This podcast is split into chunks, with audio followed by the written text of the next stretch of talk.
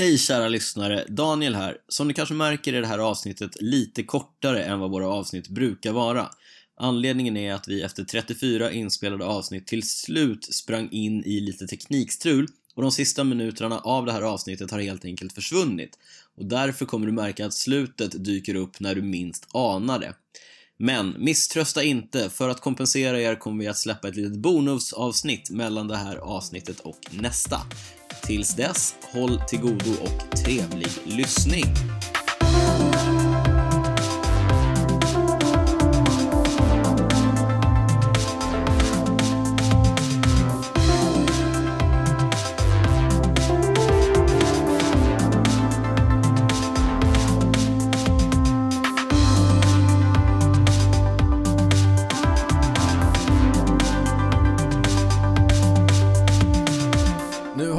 Tysta i 15 sekunder och jag säger varmt välkomna till Cykelwebben-poddens 34 34 avsnitt med mig Daniel Rytz och på andra sidan bordet här i Cykelwebben-podden studion dig Niklas Hasslum, välkommen hem från Brasilien Niklas, hur är läget? Tack Daniel, det är bra. Det är bra. Lite kallare i Sverige måste jag ändå säga. Ja, har du akklimatiserat dig till Eh, vintervädret? Ja, men det tycker jag att jag har ändå. Sen har jag börjat jobba också. Mm. Jag började jobba igår. Ja, du har ju varit pappaledig, det har vi hört eh, Ganska några- länge faktiskt. Ja. Jag har varit pappaledig sedan Mm. april, så det är nästan en större omställning än klimatet. Det är mycket på en gång, men det är Ja. kanske lika bra att ta allt på Ja. en gång. Ja. Allt det tråkiga. ja. Tråkiga? Det är kul att jobba Ja, också, men bra. det är rätt kul att vara föräldraledig också. Ja, ja, ja. Det ska ja. jag säga. Mm. Mm. Du, jag sa att det här är vårt eh, 34 avsnitt. Vi brukar ju skoja om att det är fler än vad Mark Cavendish har vunnit etappsegrar på Tour de France. Men just 34 är ju faktiskt rekordet Ja. för antal etappsegrar av en enskild cyklist i Tour de France. Vet du vem det är som har rekordet? Eddie. Eddie Merckx Eddie naturligtvis. Merckx, ja. Man- Det, han har ju, han har ställt in siktet på det. Alltså Mark. Mark, Han vill ju ja. ta 34. Ja, precis. Tror han kommer göra det? Nej, Nej, det han kommer tror inte göra det. inte jag heller. Men vi har ju satt in siktet för Cykelwebben-podden lite högre. Mm. Vi, vi siktar ju nu, nästa milstolpe Ja. för podden är ju eh, lite högre va? Det är 42. 42 var det, just ja, det. det är nämligen så många etappsegrar som Mario Cipollini, Mm. den italienska storspurtaren, Ja. har i Giro Vi d'Italia. är lite mer hipsteraktiga, vi, vi går på giro. Girot, Ja, exakt. det Det är lite inte mindre. touren, Nej, ja. exakt. Inte riktigt Inte lika... som mainstream. Nej, inte som mainstream. Du, eh, klarade du det när jag var borta? Från, från vad? Med vad? Kändes det okej liksom? Ja, det känns okej. Det var tråkigt att vara här ensam i, i studion och sen så är det ju alltid lite knepigt att klippa ihop det när vi är på, Mm. på olika breddgrader och sådär. Men jag, jag tror att det, det gick bra. Vi fick Ja. ut ett, avsnitt som, som utlovat. Ja, det gick ganska bra. Ja, hur har det Mm. gått med träningen då? Jag ser att du eh, kör ett Tour de Swift. Vad Nej, jag körde en etapp Vad är det de för något? Är vet, Helt ärligt så vet jag inte. Jag tänker inte ens gå in på det. Men en, en sak som jag tänkte snacka om. Jag kunde inte bestämma mig om jag skulle ta det nu eller om jag skulle ta det under saker vi inte har kunnat släppa. Men här kommer en liten anekdot. En anekdot Ja, från nej, men- långt tillbaka i tiden. nej, nej, nej. Från förra veckan. Okej. Men Zwift, den Mm. eh, virtuella, digitala träningsplattformen som vi pratar sönder och samman. Vi kommer Mm. prata mer Zwift senare. Den kräver ju ändå ganska mycket teknik. Du behöver en smart trainer eller en wattmätare. Och så behöver du en dator som du spelar på. Exakt. Mm. Jag har ju kört på en gammal Macintosh. Mm. En stationär Macintosh. Och så körde jag ett race på Swift förra Ja. veckan och insåg att det tar jätte, jättelång tid innan min gubbe på skärmen reagerar på det jag gör med mina ben. Jaha, så du attackerar och så händer det inte? Nej liksom. men det, jag attackerar inte så mycket men gruppen försvinner och så ska jag liksom Peppa hänga, luckan. Jag ska hänga med när någon Ja. rycker och så, du vet, så spurtar jag typ och så tar det fem sekunder innan Jaha. gubben på skärmen börjar röra på sig. Ja, det blir inte så verkligt liksom. Nej och jätte, jättesvårt att tajma för man Mm. kan ju ligga på hjul lite grann så att det som hände var att jag åkte ju jojo i gruppen Ja. hela tiden, jagade ikapp och så bara drog jag ju rakt Mm. igenom gruppen. Sen attackerar du plötsligt. Ja, Då var det framför. Exakt. Ja, och sen så kom de ikapp och drog förbi. Ah, okej, ja, ja. jätte, jättesvårt att tajma det hela. Så jag började undersöka det där och ställde en fråga i den utmärkta Facebookgruppen Swedish Zwift Riders. Just det, den har du Ja, pratat om förut. Precis. Och fick då svaret som jag väl fruktade lite grann att nej, det är nog hårdvaran det är fel på. Jaha. Jag tänkte att de var fel på benen. Men det var Nej, nog... nej, Nej, nej. Men det var nog min dator det var, det var fel Dålig processor. på. Mm, precis. Så då tänkte jag så här: okej, hur eh, löser jag det här på, på smidigast sätt? Ska jag Mm. köpa en ny gamingdator? Mm. Ska jag köpa, du vet. Jag såg Mm. framför mig stora utgifter. Ja. Men då är det ju så att ett av sätten man kan köra det här på det är genom Apple TV. Det Okej. finns en app på Apple TV. Alltså Mm. Swift finns på Apple TV. Så då gick jag och köpte en Apple TV Mhm. helt enkelt. Ja, det gjorde jag. Som jag kopplar upp till min Och det blev inte dyrt eller? till skärmen. Det kostar ungefär 2000 kronor. Okej? Eh, man kopplar den till sin, eh, till eh, en TV. Ja just det, Ja, så är det. Just det, så. Mm. Ja. Men, eh, okej jag vet inte hur lång jag ska göra den här historien men det finns några grejer som, som är liksom... Det funkar inte eller? Nej, det funkade inte. För att ett, så här, den funkade inte när jag kopplade den till min datorskärm som jag haft Mm. till, till eh, min dator tidigare. Mm. Det var bara svart, hände ingenting alls där. Och sen kom jag på att jag får inte ut något ljud genom datorskärmen heller. Så att även om den hade funkat så hade jag fått klara mig utan ljud. Men det hade jag kunnat leva med. Är det ljud på Swift Ja. alltså? Okej, ja. Right on! Jaha. säger- Så här peppande ord. Ja, ja exakt. Ja. Man ger varandra peppar. Jaha, man- okej, Mm, ja. mm. Men, det, då, jag hade en jättesnäll kompis, Stefan. Mm. Stort tack till Stefan. Han skänkte mig en, en TV. Jag har lånat en TV av Jaha, Stefan. Ja, som jag har kopplat till Apple TV. Funkar alldeles utmärkt. Mm. Sen kommer vi till nästa problem. Apple TV har ju bara Bluetooth. Mhm. Ja, den har ju tre Bluetooth-kanaler har jag lärt mig. Okej. En kanal går åt till, till eh, fjärrkontrollen.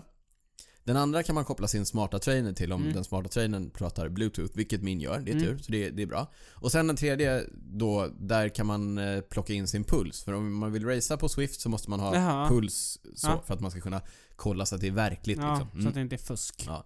Och då hade jag ett pulsband från Garmin. Det snackar ju bara ANT+. Det är ett annat protokoll. Ja. Så då fick jag köpa ett nytt pulsband också. Eh, ja, det var mycket med det här Ja. innan jag till slut då kunde sätta mig och swifta med min nya Apple TV. Men till slut så kunde jag sätta mig och swifta. Så nu funkar det? Så nu funkar det. Så nu kör jag Swift genom Apple TV. Och nu, nu är det inte Jojo genom gruppen?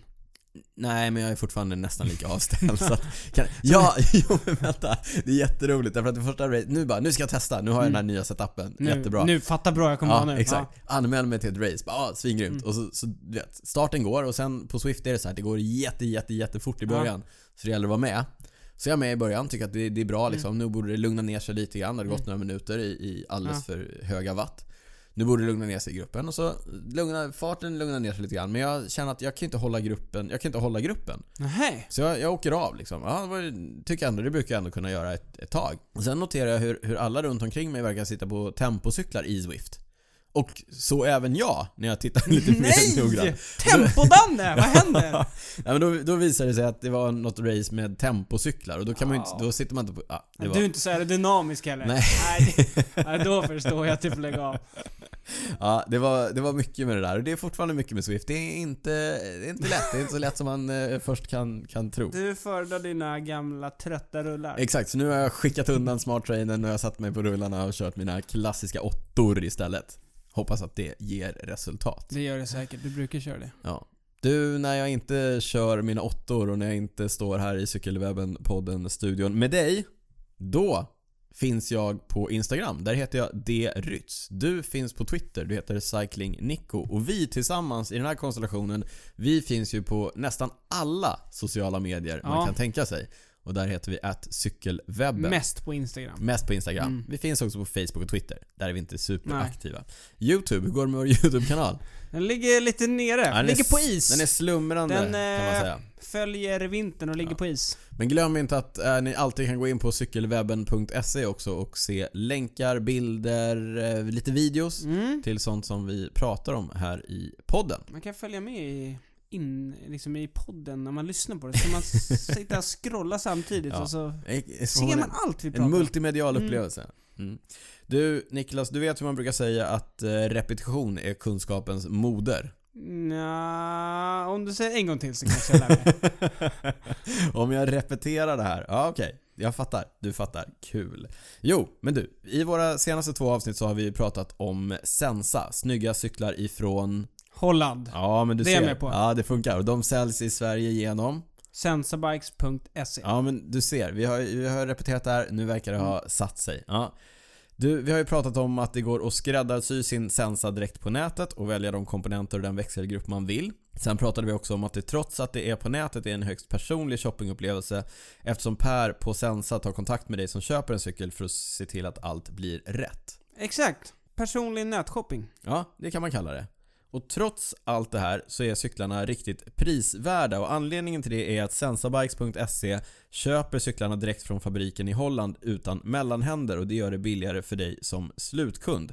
Så det är alltså custom, det är personligt och det är prisvärt. Och så fanns det ett erbjudande också. Ja, precis. Om det är så att du köper en Sensa-cykel och nämner Cykelwebben-podden när du lägger in beställning så bjuder de just nu på ett par pedaler som matchar din valda växelgrupp. Fortfarande en bra deal. Ja, en superbra deal. Och för mer inspiration om Sensa så kolla in Sensa Sverige på Instagram eller följ Per Alfredsson på Facebook. Ja, På tal om inspiration Niklas, en grej som kan hjälpa till med inspirationen så här när vintern känns djup och säsongen avlägsen. Det är nya kläder, eller hur? Ja verkligen. Att eh, ha något att se fram emot, det kan ju faktiskt hjälpa en att ta igenom liksom de tuffaste och grisigaste passen så här på vintern. Ja, exakt. Och där så kommer Verge in i bilden. Verge gör cykelkläder för klubbar, företag, kompisgäng och alla andra som vill ha en egen design på ett cykelkit. Och vi har alltså glädjen att välkomna Verge som ny sponsor till Cykelwebben-podden. Och det är ju skitkul. Ja, Av flera anledningar. Det är också lite extra kul för att vi i vår klubb, La Chemise Seco, din och min klubb.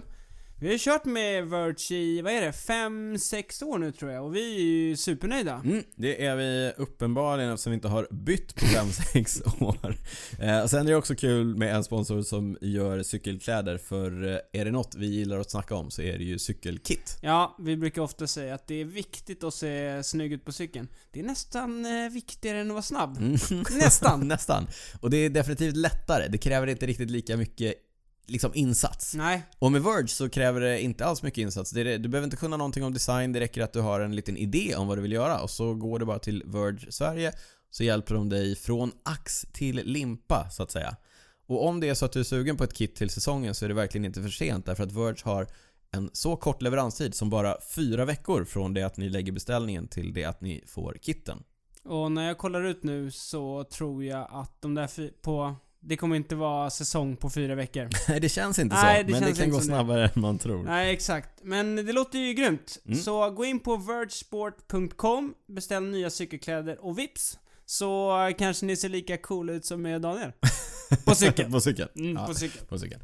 Eh, vi lägger naturligtvis upp länkar och lite bilder och så vidare på cykelwebben.se. Vi kastar oss vidare in i vad som har hänt sen sist i den stora cykelvärlden. Ja. Vad har hänt sen sist Niklas? Det har ju varit mästerskap. Det Mm. har varit crossmästerskap. Världsmästerskap i danska Bogense. Sa, lyssnade du hur de sa? Bogense? Sa de det? Ja. Ja, de, de. Ja, ja, de skötte sig bra de... Eh, Ant, tänk- Ant McCrossan och... jag eh, tänkte eftersom vi snackade om det förra gången. Hur, hur Precis. man skulle uttala Den lilla danska fiskebyn som eh, var värd för årets stora händelse inom cykelcross. Och eh, den stora frågan var väl om Mathieu van der Poel skulle få ta hem den här världsmästartiteln som han har gått miste om de senaste tre åren. Ja, tre åren. I bataljen mot ärkerivalen Wout van Aert. Mm, vi sa ju det innan. I år kändes det som att han har varit... Ja, det kändes säkert i år på något Mm. sätt att han skulle vinna. Han har varit eh, snäppet Lite bättre. bättre, och ja. Van Aert har väl varit... Lite sämre ja, kanske. lite sämre. Ja. Ja, Eh, men, men så var det ju, eh, Mathieu vann här Elite-racet och han gjorde det i stor stil. Det var lite fight i Mm. 15-20 minuter, något sånt. Ja, Innan han bestämde sig för att göra som han har gjort eh, resten av den här säsongen och bara attackera sönder alla andra och köra solo. han körde snabbare än alla helt Mm, enkelt. det gjorde han. Men jag läste en intervju med honom. Mm. Tydligen tyckte han att banan var inte så utmanande liksom. Nej. Så det var någon som frågade att varför det tog så lång tid innan han gick ifrån. Mm. Men det var ju tydligen för att det var inte, det var inte så många tekniska partier. Det var ju det skråpartiet där han gick ifrån. Ja, precis. så det inte- var ett utav få... Där man kunde göra Ja, skillnad. precis. Mm. Nej men det var ju verkligen, eh, det var tydligt. Det var ett ställe där Mm. han faktiskt var bety- Han är ju lite snabbare än alla andra överallt. Men på ett ställe var han ju lite mer mer snabbare än snabb, alla. ja. Så han tryckte till där. Fick en lucka till eh, de andra. Vi såg i, bakom honom Lars van der Haar, den lilla Lilla Ja. holländaren, lagkamraten, han körde ju som, han körde som lojal hjälpryttare Mm. så länge det behövdes. Sen behövdes det inte så mycket mer. Nej. Tone Arts, den eh, säsongens, eh, vad ska man säga, nykomling. Ja men lite så. Ge- Han årets genombrott, Genombrott. Ja. ja. Tone Arts eh, såg ut att gå mot silvret eh, därför att Wout Van Aert då, som, som länge låg tvåa. Han han gav upp lite grann? Mm. Så det blev en fight mellan Wout och eh, Ton, men... eh, Wout är alltid bra på VM alltså. Ja, och Ton vurpade ju i, Mm. i typ den näst sista kurvan, så Ja. att där, där blev det det. Vi fick en fråga från Björn Andersson, jag väver in Mm. så, en, en, en lyssnarfråga här. Om Wout grattade Mathieu efter målgång. De, de, är, de pratar ju nästan aldrig med varandra. Nej, det, är vi har ju snackat om det i påtagligt. podden Ja, också. De är, eller framförallt Wout verkar vara lite grinig på Van der Poel. för att Jag han skulle också vara grinig om någon vann hela tiden. Men, men det jag noterade var att i tumultet Mm. efteråt, den här klungan som bildades mot, eh, runt eh, Mathieu van der Poel när han vann. Så kom det in en belgisk hand liksom. Alltså, en arm. Du en, såg det för att det Ja. kom in en ljusblå arm. Exakt, Ja. en ljusblå arm med en svart handske. Det var alltid bara, där är en Ja. arm. Det Nej, men som ut- gjorde en sån här, du vet, Ja. eh, handshake, manshake. Good job man. Good job, job. eh, grej. Ja, jag tror att det var Wout. Jag hoppades lite grann på det. Vi, jag såg eh, också det. något citat i, i någon intervju att eh, Wout sa att det var liksom rätt man som vann. Det Mm. var, han var värdig vinnare. Ja, det är kontroversiell åsikt Ja, riktigt kontroversiellt. Men, men annars, det var, det var ju ett bra race, det var bra sådär. Men, som vi har sagt genom hela säsongen. Herrracet har inte varit jättespännande och lite grann samma sak, eh, både här U23 och eh, juniorracen avgjordes på samma Mm. sätt. Solosegrar av eh, britterna Tom Pidcock och eh, Ben Tullett Ja! i eh, U23 och junior respektive. De, Spännande att Storbritannien är så bra på cross. Ja, de har ju superbra. dominerat eh, landsvägsscenen här i några år så mm, nu det kanske du får sprider se sig. om de eh, Först mm, ring, velodrom. ringa på vattnet. Exakt, först Exakt. velodrom, sen landsväg, nu är det cross. Mm. Snart blir det mountainbike kanske? Ja, kanske Jag det. vet aldrig. Ja, men eh, både Ben Tullett och eh, Tom Pidcock körde ju superfina race. De är oerhört duktiga båda två. De mest spännande racen var ju precis som de varit under resten av säsongen damernas race och här också damernas eh, U23-race. U23-race. Där eh, Sanne Kant vann damernas, belgiskan. Det är tredje året i rad hon vinner va? Ja. Ja. Och, Hon eh, gjorde lite tvärt emot van der Poel. Hon har ju inte varit på topp. Nej. Hon har ju haft det lite tufft här tuff under säsong. säsongen, men hon eh, lyckades verkligen pricka formen. Verkligen. Och i damernas U23-race så var det en trippel holländsk pall. Där Inge van der Heyden gick segrande ur striden och förpassade förhandsfavoriten Säg Lindel Carl, Carmen, Carmen Alvarado. Alvarado. Där måste vi krypa till korset. mm, Du trodde hon skulle köra Ja, vi trodde att hon var elit.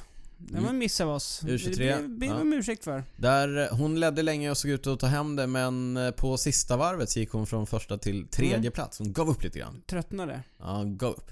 Lite uppgiven kan man Mm. säga. Ja. Det skulle jag också varit. Men, men riktigt eh, bra race. En annan eh, sak, två saker att nämna som jag tycker var roliga. Herrarnas U23-race. Om ni inte har sett det så gå in på UCIs YouTube-kanal och titta i början. Därför att en sak som jag tycker är värd att se är när Tom Pidcock attackerar och lämnar ärkerivalen och konkurrenten Eli Iserbit bakom sig. Mm. Pidcock har legat lite bakom i början av, av racet och jagar ikapp Iserbit och eh, han droppar honom direkt. Han, Han kom- går på attack! han går på attack direkt. Mm. Han kör nästan dubbelt så fort som Ja. Iserbit. Ja, det, det är rätt mäktigt att se. En annan sak som jag tycker är värd att nämna är att eh, sexa i damernas U23-race så kom Puck Pieterse. Hon är född 2002. Hon är bara 16 år gammal. så Oj. Ja. Lovande. Hon har Och- framtiden för sig det kan man har hon säga. verkligen. Och nästa år så kommer hon då att få köra i damjuniorracet. Ja, det blir det, blir det nästa år. så Just det. 2020 så blir det damjuniorrace under eh, cross-VM. På tiden, UC. Ja. Mm. Verkligen. Vi sa ju i förra avsnittet att vi hade ett gäng svenskar som var nere och körde. Vi kan dessvärre inte rapportera om några direkt framskjutna placeringar för de svenska crosskämparna. Nej, men det är som vi brukar säga, det är ju väldigt bra att de ändå är nere och kör. Att vi har ett gäng på plats som Ja. skaffar sig internationell erfarenhet. Så även om det inte blir några framskjutna placeringar så kanske erfarenheten i framtiden kan eh, frambringa några framskjutna placeringar. Ja, you gotta be in it to win it. Exakt. Precis så.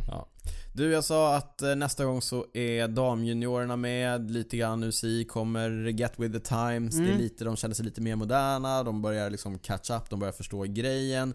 Någon som kanske inte har förstått grejen. Jag försöker mig på en, Mm. en övergång här. Du vet vart jag är på väg. Hjälp mig att ta det hela vägen Niklas. Ja, men det har ju varit eh, landsvägstävling i Argentina. Ja, en av säsongsöppningarna. San Vuelta Juan. San Juan. Ja. Mm.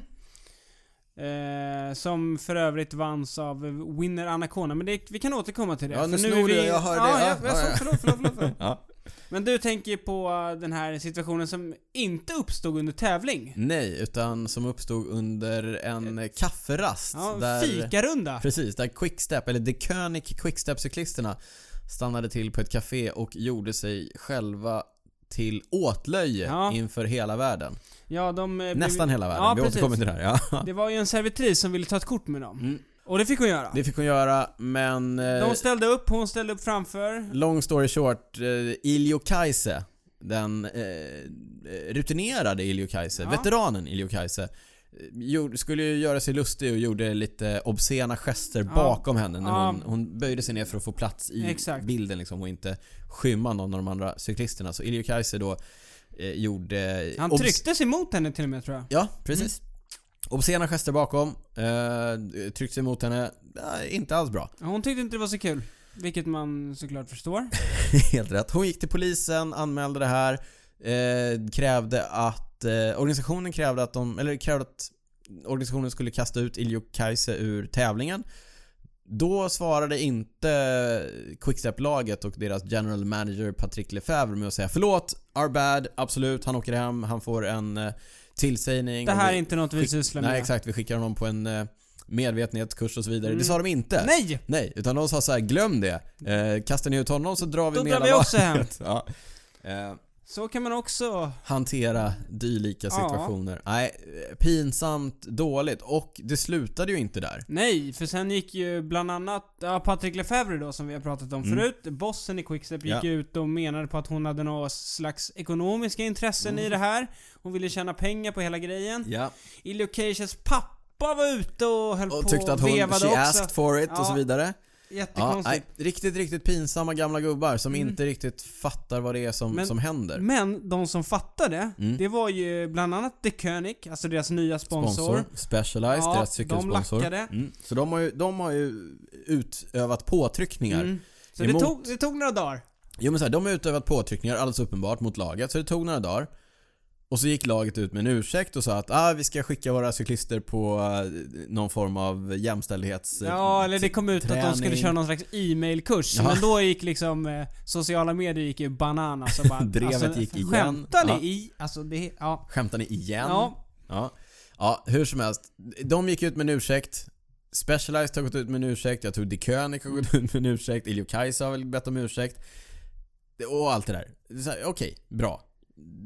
Ändå, kändes kanske inte helt från hjärtat men ändå bra att ni, att ni ber Det om som ska ursäkt. sägas, Ilio Keishi var ju... Han gick ju ut direkt liksom och ändå Mm. sa 'Sorry, jag gjorde fel. Ja. Det här är inte en sån jag är' Ja. det, Sen kan man ju liksom tycka vad det Men han... Liksom, det här kunde ju storyn varit. Ja, om man hanterar det på, Ja. på ett bra sätt. Men... Men... I morse, och då är det alltså tisdag nu, det har gått några dagar efter att de bad om ursäkt. I morse så ser jag på Patrick Lefebvres privata Instagram, där han ändå har så här 30 000 följare eller någonting. Att han då skriver en, eller han, han gör en, en gubbpost. Mm. Där han eh, lägger ut en bild på eh, Daniel Craig tror jag att det är. När han är Bond, eller? När han är Bond, ja Mm. exakt. Och då står det så här, nu kan, jag kan man bli mer macho än Bond för nej, nej, nej, det går inte. Det är det, är det, det, är det häftigaste man kan vara. Ja, och då står det så här nu, är du med? Mm, ja.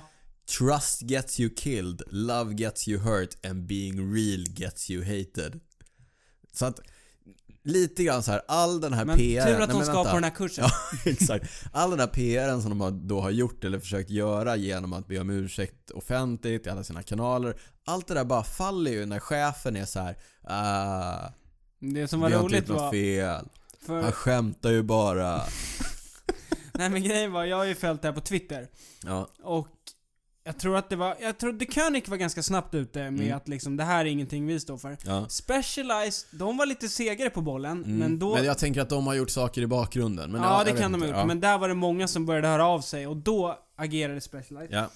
Eh, men, jo, det roliga var ju att när de gick ut med att de skulle köra den här kursen, Mm. då var det många som skrev 'Kommer Patrick Lefebvre också vara med?' För det stod ju kursen. bara 'Riders Ja. and personal' typ. Ja. Ja. Så Ja. oklart, han kanske behöver den. Ja. Han verkar behöva den. Ja, skoja inte att han behöver den. Men, men också, jag vill också bara eh, notera här att man kan ju gå in och se vilka som har likat och kommenterat. Har du varit inne och kollat Ja, såklart. Brian Holm Du vet den danska macho... Han är nästan lika macho som James Bond. Mm. Mm. Han är nästan mer macho än James Bond. Ja. han har kommenterat med en fistbump. Såklart han har. Klart han har. Ja, nej, pinsamt. Eh, Det är den gamla skolan mot den nya skolan och om det är så att man är Patrick Lefebvre och tror att cykling bara handlar om att vinna så många tävlingar som möjligt med sitt häftiga lag som man kallar för häftiga saker Wolfpack. Så är man lite fel ute och då kanske det inte är så konstigt att man trots att man är det mest framgångsrika laget har svårt att hitta sponsorer. Bra sagt Daniel. Tack. Tack Du Niklas. vävde, vävde ihop det där bra Mm. på slutet där. Mm. Mm. Men om vi då går vidare till lite mer sportsliga framgångar och eh, så vidare kring det här laget. Så det som ska de sägas, nu när vi är på väg att byta här. Ja. Vet du vem Ilocation delade rum med? Ja, exakt. Nu kommer vi vidare. Mm. Han delade alltså rum med 19-åringen Remco Evenepoel. Bra förebild och så vidare. Verkligen. Ja. Remco har vi pratat jättemycket om och det är precis det som jag tänker prata om nu också. Han gjorde ju sin eh, proffsdebut här i Vuelta San Juan. Ja, om vi gick lämnar andra honom? bakom oss. Ja, som vi- han gjorde det. Precis. Han lämnade alla utom två cyklister bakom sig Mm. och kom trea på den eh, inledande tempoetappen Nej, tre, det var en tre, tredje Ja, tredje etappen etappen, tempo. Men det var tempo med eh, linjehoj. Precis. Eh, för att de vill undvika så mycket transportkostnader Mm. och så vidare. Exakt. Så att eh, de körde tempo på linjehoj. Vi såg några cyklister som eh, hade vridit in bromshandtagen för att få lite mer Jaha, aerodynamisk okej. sittställning. Ja, det hade inte Remco gjort. Men han kom tre ändå. Ja, han ledde länge där. Det var Ja. ju, han, han fick stryk av sin eh, lagkamrat, Alaphilippe. Julian Alaphilippe vann etappen och eh, italienaren Valerio Conti. Valerio Conti tvåa. Som aldrig har kört bra på ett tempolopp förut. Oerhört märkligt. Mm. Men, eh, ja. Men o- o- oavsett, ruskigt bra kört av eh, Remco Evenepoel Alltså det är en sak debut. att, liksom- för han vann ju ungdomströjan. Ja, Och det är så här, det Mm. kan man ändå göra så. Men att tempo, då är det ju verkligen, då kan man inte gömma sig. nej. Och så, han var ju före jättemånga duktiga cyklister. Mm. Visar på god eh, kapacitet. Fnisken på Instagram undrar om Remco är en julstjärna. Nej, det är klart han inte är. Nej. Han är ju han är en, han är en supertalang. Det är han. Jag läste också att de är tydligen jätteimponerade av, av honom. Mm. Alltså i Quickstep. Han har tydligen visat jättebra siffror och sådär. Mm. Ja, roligt. Eh, Man blev ju lite sådär att man kanske tänkte att steget skulle vara för stort. Mm. Även om han var helt fantastisk på VM och han har varit förra året, han vann ju allt. Men det är skillnad mot U23 Mm. och, och eh, proffsen. Mm. Men uppenbart så ser det ju eh, väldigt, väldigt bra ut.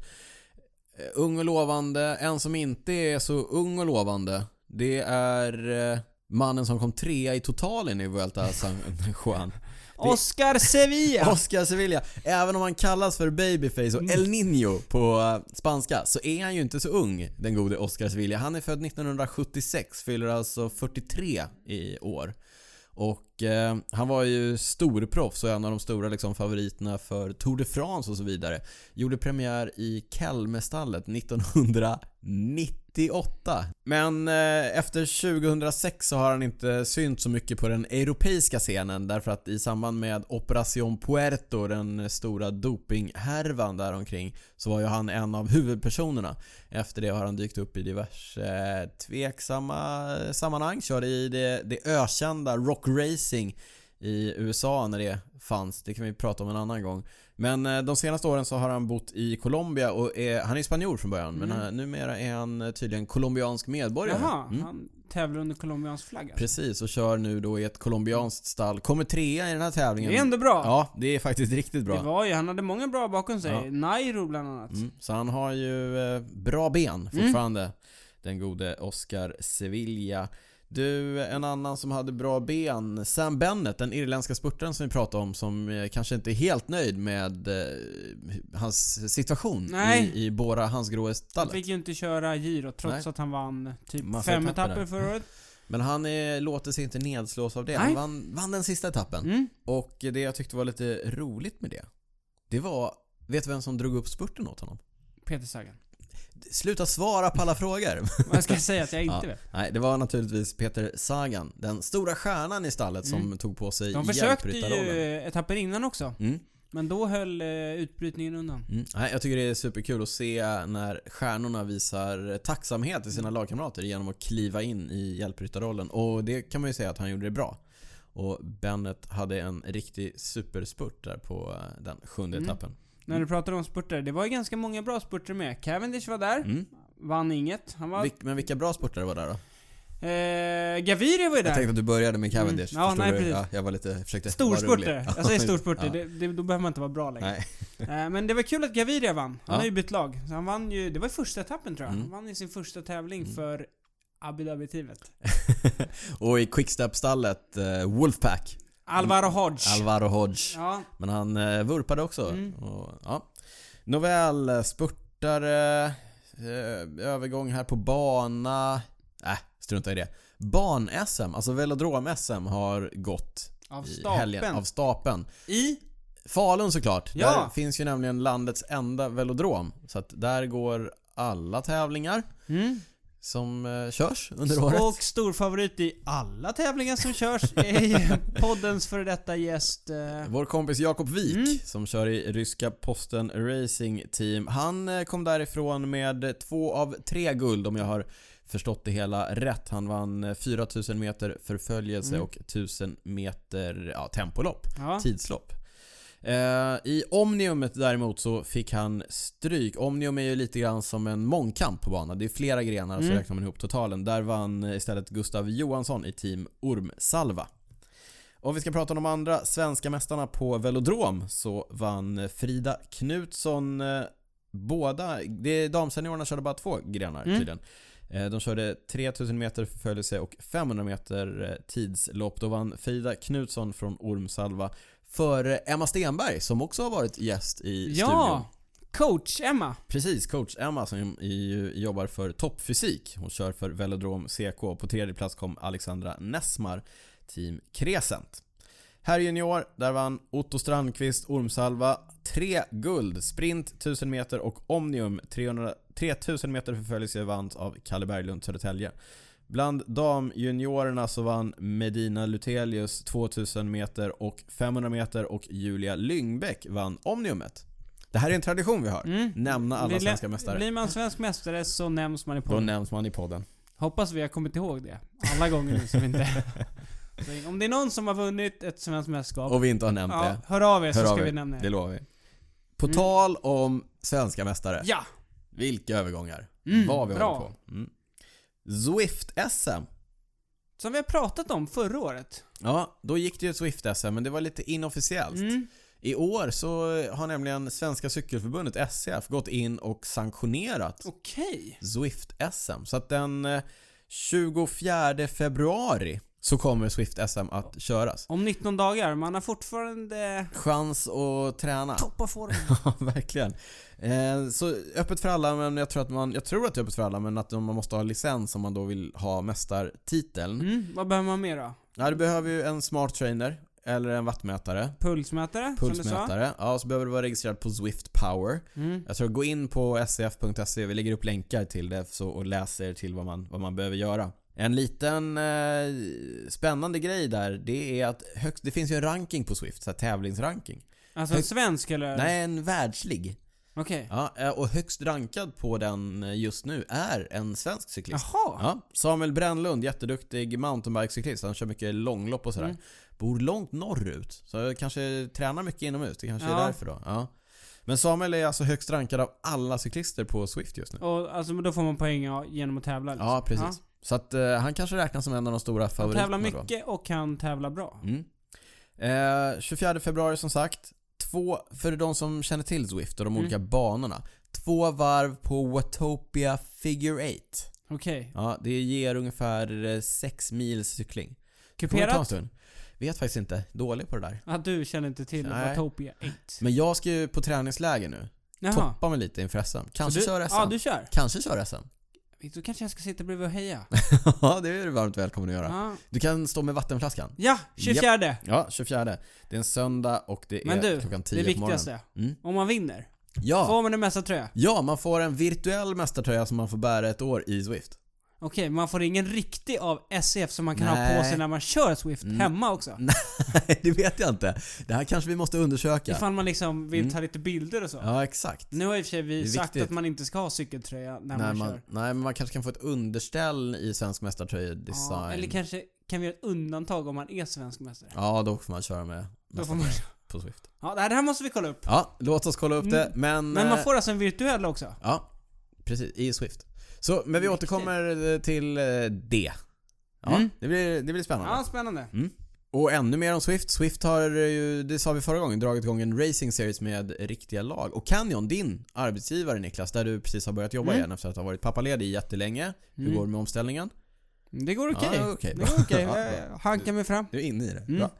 Jo, eh, Canyon har ju dragit igång eh, team till den Ja. här eh, serien. De första virtuella teamen. Och för svenskt intresse så är det väl lite roligt att notera att Nathalie Eklund, som vi har Ja. pratat om tidigare som en av finalisterna i den här Swift Academy där man kan vinna ett proffskontrakt. Det vann ju inte Nathalie, men Nej, hon, åkte ut i semifinal. Hon Precis. var en av tio som var kvar då. Ja, exakt. Men, Men, hon, har bevisat att hon är stark på Swift. Exakt, så Mm. därför är hon en del av Canyons eh, Swift Racing Team. Tillsammans med två andra tjejer tror jag. Jag tror att det var tre killar Två och eller tre tre? tjejer. Ja. Mm. Men så håll ögonen öppna om ni följer det där. Nathalie kommer att racea för Canyon resten Apropå av följa, vintern. om man är intresserad så kan man ju följa Nathalie på Instagram också. Då Ja. lär man ju få se hur det går till där. Ja men precis. Kan länka till det också Mm, på det vi cykelwebben.se. Du, det, jag kollar nu i manuset Niklas. Mm. Och det står hashtag boomwatch. Ja. Vad är det för något? Det är poddens absolut, absolut viktigaste punkt. Viktiga segment. Mm. Ja, eh, Lars Bohm. Vi fortsätter följa honom för det händer ändå lite roliga grejer. Det har ju varit, det har ju hängt på ett, det har hängt på en skör tråd. Ja, men han, Boomwatch, som ja. jag sagt, han reser sig alltid. Och nu har det, det har inte hänt så jättemycket. Vi snackade lite i förra avsnittet att de hade fått wildcard Ja, till, Till- klassiker. till eh, Paris-Roubaix. Mm. Nu såg jag även att de ska köra Gent Wefelgem tror jag att det var. Mm. Eh, så det känns lite kul att vi får se honom i de stora klassikerna.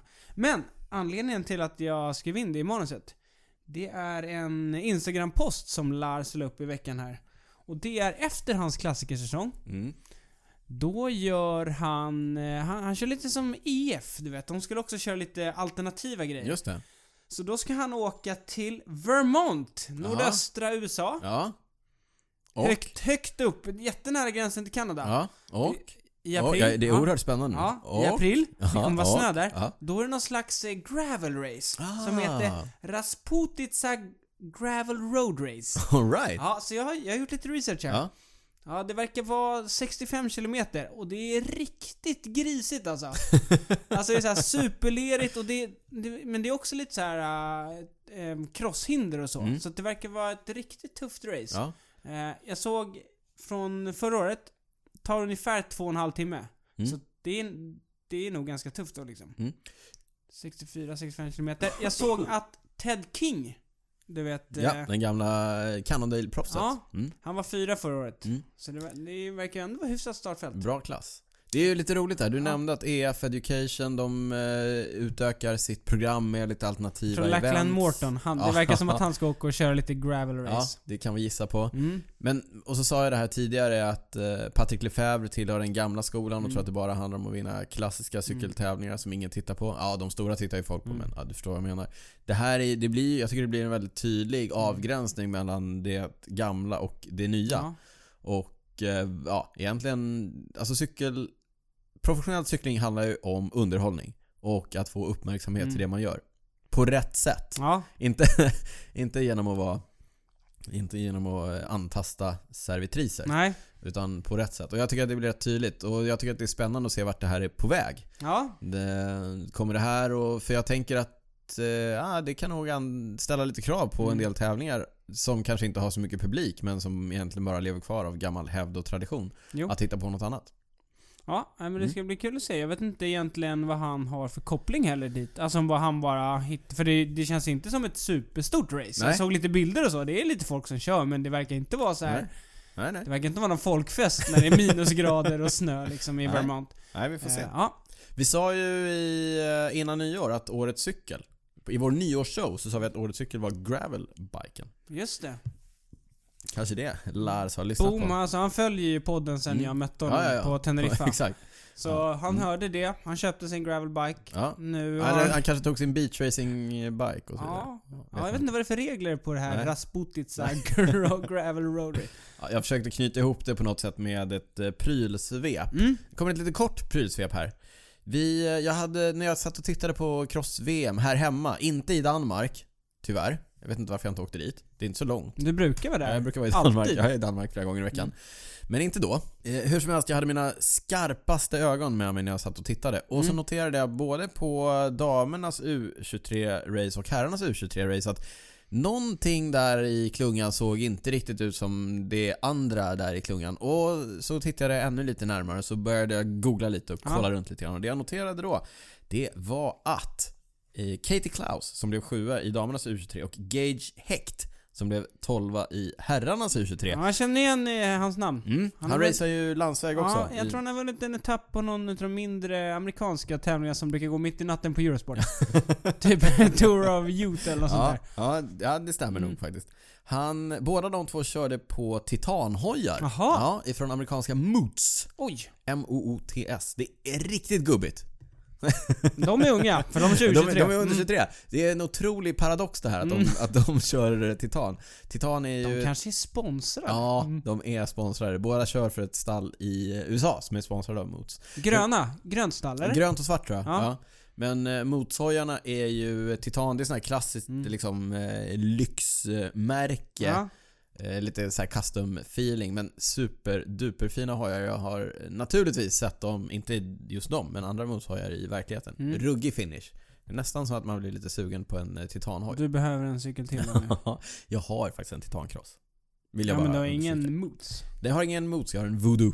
Mm. Ja, nåväl. Eh, vi snackade ju om att Sagan raceade på aluminium nu i Australien mer som en gimmick. Men Mm. här är ju faktiskt några som racear på Ja. titan hela säsongen. Men Sagan är ju inte ensam om att racea på aluminium. Nej? Jag kommer tillbaka till det här och det är igen sponsrade cyklister. Mm. Men även i dam och herrelit så fanns det någonting som stack ut. Nämligen eh, Anthony Clark och Samantha Runnels herr och damklassen. De körde på aluminiumcyklar ifrån det lilla amerikanska märket Squid Bikes. Okej. Ja, de handsvetsas i Austral... I Australien, vad säger jag? I Kalifornien. Kalifornien. Ja, Det är Amerika. det är Amerika. Eh, USA. Har gjort sig kända för att ha liksom ganska speciell lack. Jaha, på Ja, jag har vilket sett sätt? dem så här spraymålar med, med burk. Det är lite graffiti-style. Det är lite coolt. Det är lite Kalifornien liksom. Ja, lite Kalifornien. Mm. Och båda de här två, både, både Anthony och eh, Sam, Sammy, har lite grann en Ni är sån... Sammy med Ja, vi är Sammy med varandra. Ja. Ja. Ja. men de har ju en ganska speciell style båda två. Det är roligt att, man, att de sticker ut. De är ju såhär, du vet, man, som när vi tänker på amerikansk cross. Ja. Det är mycket öl och mycket fest och mycket Ja, såhär, ja, sådär. Ja. Lite... Så, mycket tatueringar. Mm, ja. ja. båda de två är ju väldigt mycket så. Ja. Men det som är coolt med det är att de har ju börjat i den kulturen. Jag tror att Samantha har raceat rätt mycket så här fixed gear criteriums, Red Hook och sånt. Eh, Anthony Clark har också en liten spännande historia in i sporten. Mm. Det, det, myten säger att han, att eh, Jeremy Powers, Ja. den tidigare amerikanska storstjärnan på, Amer- på amerikansk crosslegend. Ja. Han var ute och tränade. Och så dök det upp någon dude som satt på hans hjul. I typ gympadojor och avklippt t-shirt. Det här är ändå en Ja. bra story. Ja men, men du vet, efter att han hade kört sina stenhårda intervaller i ett par timmar Mm. så satt han fortfarande kvar på hjul på honom. Eh, och så här, oj du verkar stark typ. Ja. Och så, ja, Ja. därifrån så... Det var då han sa hej liksom. eskalerar det. Han hade Ja. kört sina Nej, intervaller exakt. och sen så... Han verkar stark, jag säger hej. ja, nej men och sen att ha tagit det därifrån till att nu köra VM i Mm. cross för det På en amerikanska- På aluminiumhoj. en aluminiumhoj. För det amerikanska landslaget. Det är ändå en lite cool story kan jag tycka. Ja. Mm. Så att uh, Squid Bikes, kolla upp det. Vi lägger naturligtvis på Mm. cykelwebben.se. En lite mer modern nyhet än aluminium och titan. Det är att SRAM, det är ett amerikanska växelgruppstillverkarmärket. Vi har ju snackat tidigare om det här ryktet om att de är på väg ut med 12-delat. Mm. Ja, och det Du verkar... har tagit upp det i några prylsvep förut Ja. va? Det verkar, det snackas om att Wout van Aert körde med det 12-delade systemet Dina på skarpa VM. ögon såg Ja. inte det eller? Ja, det, var, det, är så, det är så smått. Ja. Ja. Men eh, då ska det alltså ha varit E-Tap, alltså SRAMs elektroniska eh, trådlösa Mm. växelgrupp med 12 klingor bak på kassetten Mm. och eh, hydrauliska växlar och så vidare. Men ingenting eh, bekräftat ännu. Men nu sitter jag och tittar på dig här Niklas. Du försöker gömma dig men Ja. det går inte. Det är ju nämligen så att eh, det brukar ju komma ut information till eh, leverantörer och, och cykelmärken och sådär innan det kommer ut till, till oss Aha. i, i Okej. publiken. Ja. Men så, så finns det eh, som man kallar det ett embargo på, att man Mm. inte får prata om det innan. Och du ser lite hemlighetsfull ut och jag tror att jag vet varför. Det kan vara så att det finns ett embargo kring någonting av det här. Nej, Niklas I säger know ingenting. nothing. Niklas säger ingenting. Men jag gissar att vi kanske under nästa poddavsnitt kommer kunna prata mer om det här. Jag tror det finns lite bilder att kolla på om man Men vi, googlar. vi, vi sprider inga Nej. sådana rykten. Nej. du, det var som sagt ett eh, lite kortare prylsvep idag. Och jag tänker att vi kastar oss in i lyssnarfrågorna, men så tänker jag att jag ändå börjar med några lyssnarfrågor som eh, berör det Alltså, det blir med ändå prylar, lite så att de längre. är lite av Ja. en del av Ja, ja, men det är okej. Mm. Vi har fått en hel del frågor ifrån Östra Aros CK Cykelklubben ifrån Uppsala Ja. som är duktiga veterancyklister. Mm, som vi, starka. Ja, starka. Som vi tror de har några veteranmedaljer va, Ja, senaste åren? eh, fightas ofta med dem Mm. eh, på tävlingsbanan. Alltså på cykeln? På, ja, ja, ja, exakt. Inte med ja. knutnävar? Nej, nej, nej. Och, när, och av banan så är det vänligt och Ja. kompis. Mm. De är trevliga Ja, också. det är trevliga också. Ja. Trevliga, absolut. Ja, vi har fått lite, lite frågor ifrån, ifrån dem. Eh, Den första frågan är, kommer Vision ACR att bli en ny standard för intern kabeldragning? Och det är en lite intressant grej det här. Det är nämligen Vision som är ett italienskt företag. De gör eh, styren, de gör hjul och lite ja. olika grejer. Jag tror faktiskt att det är samma företag som FSA, Full Speed Ahead. De gör också Aha. styren och styrlager och så vidare. De har ett system där man kan dra kablar genom styret ner genom, eh, inte genom gaffelröret men eh, genom styrröret Ja. på, på eh, samma rör som, som gaffeln går igenom. Och eh, sedan vidare ner i gaffeln och i ramen och så vidare. Mm. Det är en rätt eh, intressant konstruktion. Vi, jag länkar till det också på cykelwebben.se. Men på, som svar på frågan Mm. om det kommer bli en ny standard så kommer det inte att bli Nej. det. Nej. Därför att cykelvärlden och cykelmärkena kan aldrig enas Nej. om någonting Det finns ingen överhuvudtaget. Ingenting är standard. De verkar älska fler standarder bara. Bara mer standarder. Man älskar sin egen standard. Ja, exakt. Så att eh, en snygg lösning, men nej, det kommer inte att bli en standard. Nästa fråga som också kommer ifrån Östra Aros CK är Kommer Tubeless att få sitt genombrott på Paris-Roubaix i år? Och svaret på den frågan är också nej, det kommer det inte att få. Eh, av några olika anledningar. Och nu ska vi se hur mycket jag ska nörda loss här eller inte. Men den första anledningen kanske är att proffsen är extremt konservativa. De, Det är tub som gäller. Ja, de älskar sina tubdäck. Anledningarna till det är dels att de är konservativa. Men det är också så att om du får punka på ett tubdäck så kan du fortsätta cykla på det ganska länge. Det kan du inte göra på ett kanttrådsdäck eller ett tubeless-däck därför att det kommer att trilla av fälgen. Det Tubdäck- vill du inte ha i Arnbergsskogen. Nej. Nej, då vill du inte behöva stanna. Ja, det måste du nog göra om du punkar på tub också. Ja, men, det beror på oavs- vilken Men punk- oavsett, det, ja. ja, oavsett det. Och en annan grej är att det slår ju, det är mycket genomslag när du kör klassikerna för Mm. att du vill köra med ganska lågt eh, däckstryck.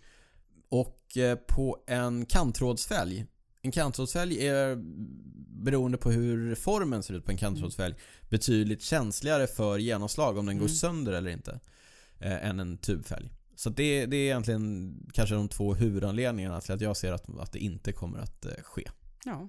Det, så tror jag. Om vi går vidare från prylarna till lite mer event. Mm. Ja, så har vi fått en jättebra fråga ifrån Amanda Reinoldsson.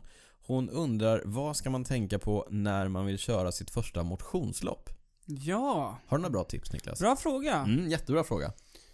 Eh, jag tycker man ska kolla upp liksom, det, håll koll på hur långt det är. Mm. Bra grej. Mm. Det känns ganska basic att man kollar Ja, men det... är. Eh, men sen tycker jag också, se till att vara väl förberedd kvällen innan och sådär. Kolla igenom cykeln.